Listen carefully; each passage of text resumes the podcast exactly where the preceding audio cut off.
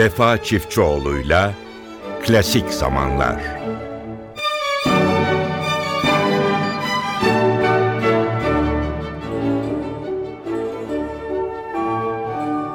NTV'de yine sizlerle birlikteyiz. NTV Radyo'da klasik zamanlarda sizlere Ankara NTV stüdyolarından sesleniyoruz. Değerli dinleyenlerimiz, bugün programa Ansofi Muter'le başlamak istiyorum. Ansofi Muter günümüzün değerli keman sanatçısı. İlk çıktığında hiç şüphe yok ki e, Herbert von Karajan'ın çok yakın desteklerini almış bir kemancı. Hatta çok kişi de çok sanat dünyasının müellifleri de Ansofi Muter'e çok fazla sıcak bakmadılar.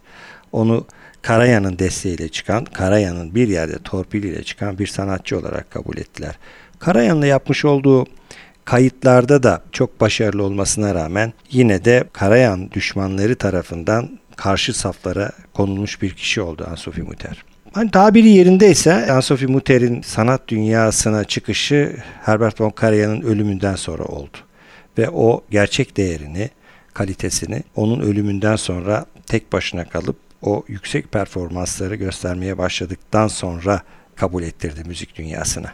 Bir Alman kemancıydı. Almanya'dan kolay kolay çıkmayan kemancı ekolünün önemli temsilcilerinden biriydi. Daha doğrusu onu şöyle söylemek lazım. Elbette çok önemli bir ekole sahip, büyük eğitim veren bir ülkeydi ama çok fazla çok üst düzey kemancı, solist kemancı çıkmıyordu. Bunu Ansofi Muter yendi. Son dönemlerde özellikle de popüler eserlere yönelip ilk gençlik yıllarında yorumlamış olduğu eserlere daha değişik bir yorum farkıyla yaklaşıp bunları CD yapıp konserlerde sunmaya başladıktan sonra Ansofi Muter gerçek kimliğini böyle yakaladı. Bunlar çoğu benim düşüncem değil, biraz da Avrupa'daki müzik yazarlarının, müzik eleştirmenlerinin görüşü.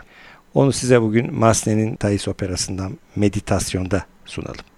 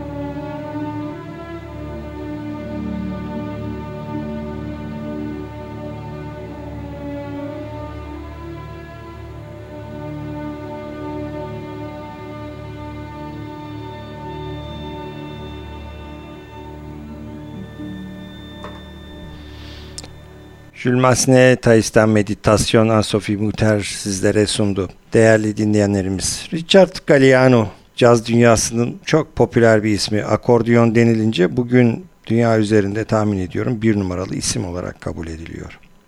Onun çalışmalarına bakıldığı zaman bunu da çok becerememiş denilemiyor. Klasik müzikle bir araya geldiği zaman inanılmaz bir performans. Caz da aynı şekilde. Hani ne yapsa artık özümsemiş, benliğiyle buluşturmuş olduğu bir enstrümanla. Richard Galliano'nun çalışmalarına hayran olmamak elde değil. Onunla söyleşi de yapmış Türkiye'den bazı kişiler ve kanında Türk kanının dolaştığını da söylemiş sanatçı. Bu söyleşi esnasında da akordiyona 4 yaşında başladığını, ailesinin içerisinde müzisyenler olduğunu, cazla başlamış daha sonra klasik müziğe ilgi duymuş ve ikisini birbirinden ayırt etmeden sunduğunu söylüyor. Ama ne olursa olsun yine de vurguladığı bir e, konu çok önemli. Diyor ki akordiyon diyor e, Güney Amerika'dan Kafkaslara kadar dünyanın her yerinde kullanılıyor. Belki değişik çalma teknikleri, değişik kullanım şekilleriyle kullanılıyor ama bu ses dünyanın her yerinde var. Onun için benim repertuarım çok geniş diyor. Gerçekten geniş bir repertuar. Bu usta sanatçıdan çok hayran olduğunu Nino Rota ile ilgili yazılmış bir eser sizlere sunuyoruz. Nino.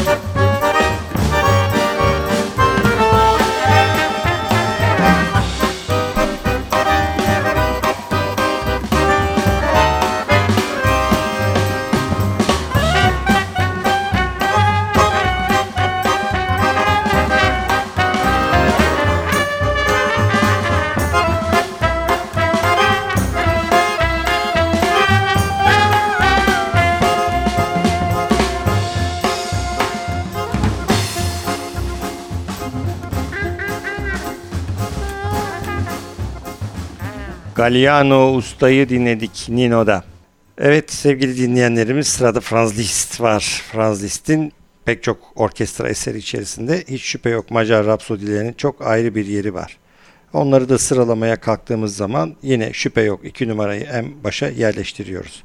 Sonra yavaş yavaş diğerleri geliyor. 1, 4 bazen 3 ama bir tanesi var ki gerçekten son derece başarılı ve çok güzel orkestralanmış bir eser. 5 numaralı Macar Rapsodisi. Onun derin ve gerçekten bir senfonik şiir formatına girmiş Rapsodisini Zubi Mehta yönetimindeki İsrail Filarmoni Orkestrası'nın yorumundan sizlere sunalım.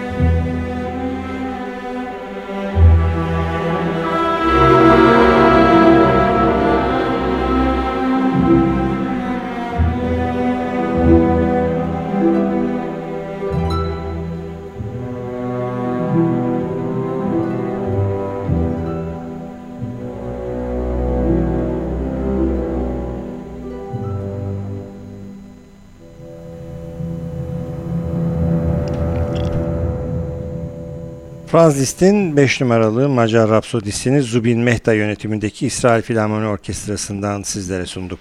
Sırada bir ünlü film müziği bestecisi var Armand Amar. İlginç bir kimlik. 1953 yılında İsrail'de doğuyor, Fransa'da yaşıyor. Fransız besteci, Fransa'da yaşamıyor, Fransız besteci olarak sunuluyor ama Fas'ta yaşıyor. Tabii böylesine bir yaşam içerisinde Orta Doğu müziği, Arap müziği, İsrail, Yahudi müziği, Türk müziği etkilendiği konular. Fas'tan ötürü özellikle Arap müziğiyle yakın ilişkisi. Kafkaslara uzanıp orada özellikle Kafkas müziği, Gürcü, Ermeni ve Azeri müziği üzerindeki çalışmaları e, ve Fransa'da yaşamak. Tabi ortaya çok ilginç bir kimlik çıkarıyor ve müziklerinde de bunu görmek mümkün. Gerçekten çok özgün müzik yapan bir kişi Armand Amar. Pek çok da ödül almış. Özellikle film müziklerindeki başarısı kaçınılmaz. Onun Aol isimli filmden Atlar başlıklı bir bölüm var. Sunalım sizlere.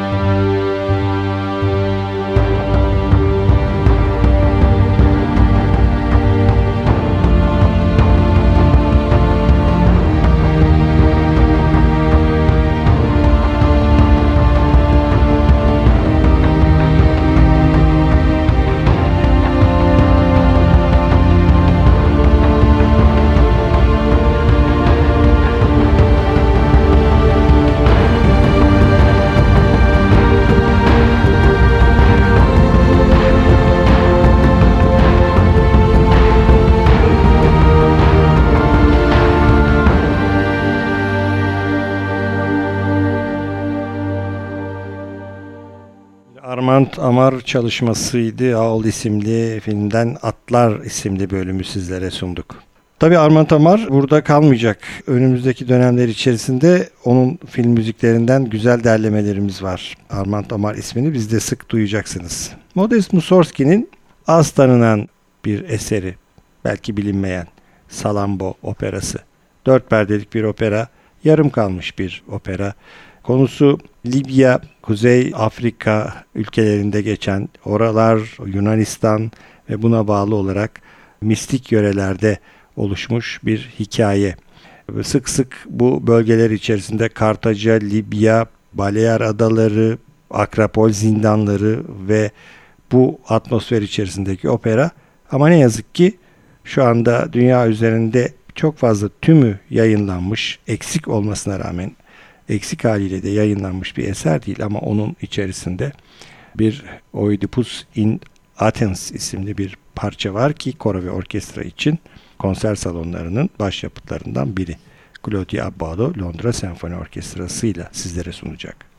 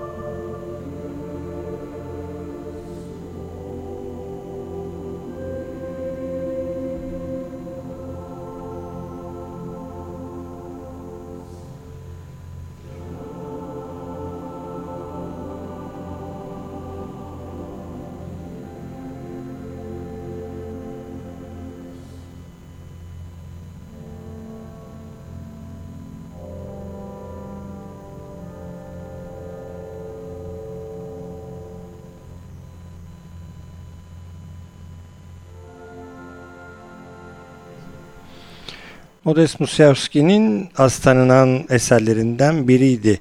Tapınaktaki Halkın Korosu. Claudia Abbado Londra Senfoni Orkestrası'nı ve korosunu yönetti. Sırada bu yıl Gramofon dergisi tarafından da yılın sanatçısı ödülüne aday gösterilen bir piyanist var Mark Andre Hamelin. Aslında Hamelin'den ziyade sizlere onun seslendirdiği bir Shostakovich piyano konçertosu ikinci bölümü sunacağız.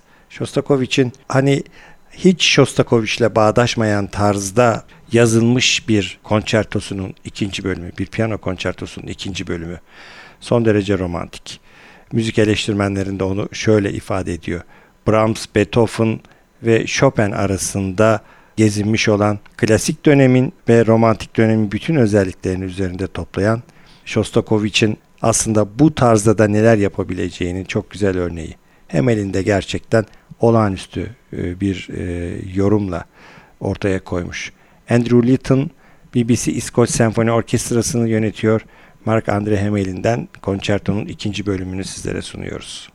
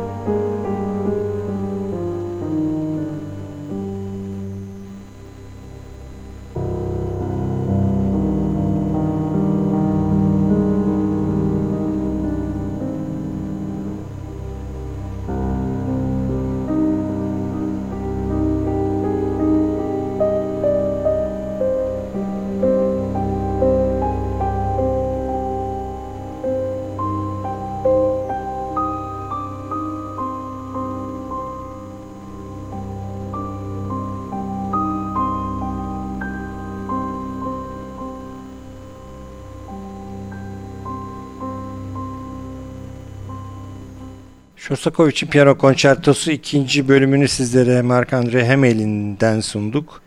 Andrew Litton BBC Senfoni Orkestrası ile kendisine eşlik etti. Programımız burada sona erdi. Size mutlu bir gün diliyoruz. Hoşçakalın.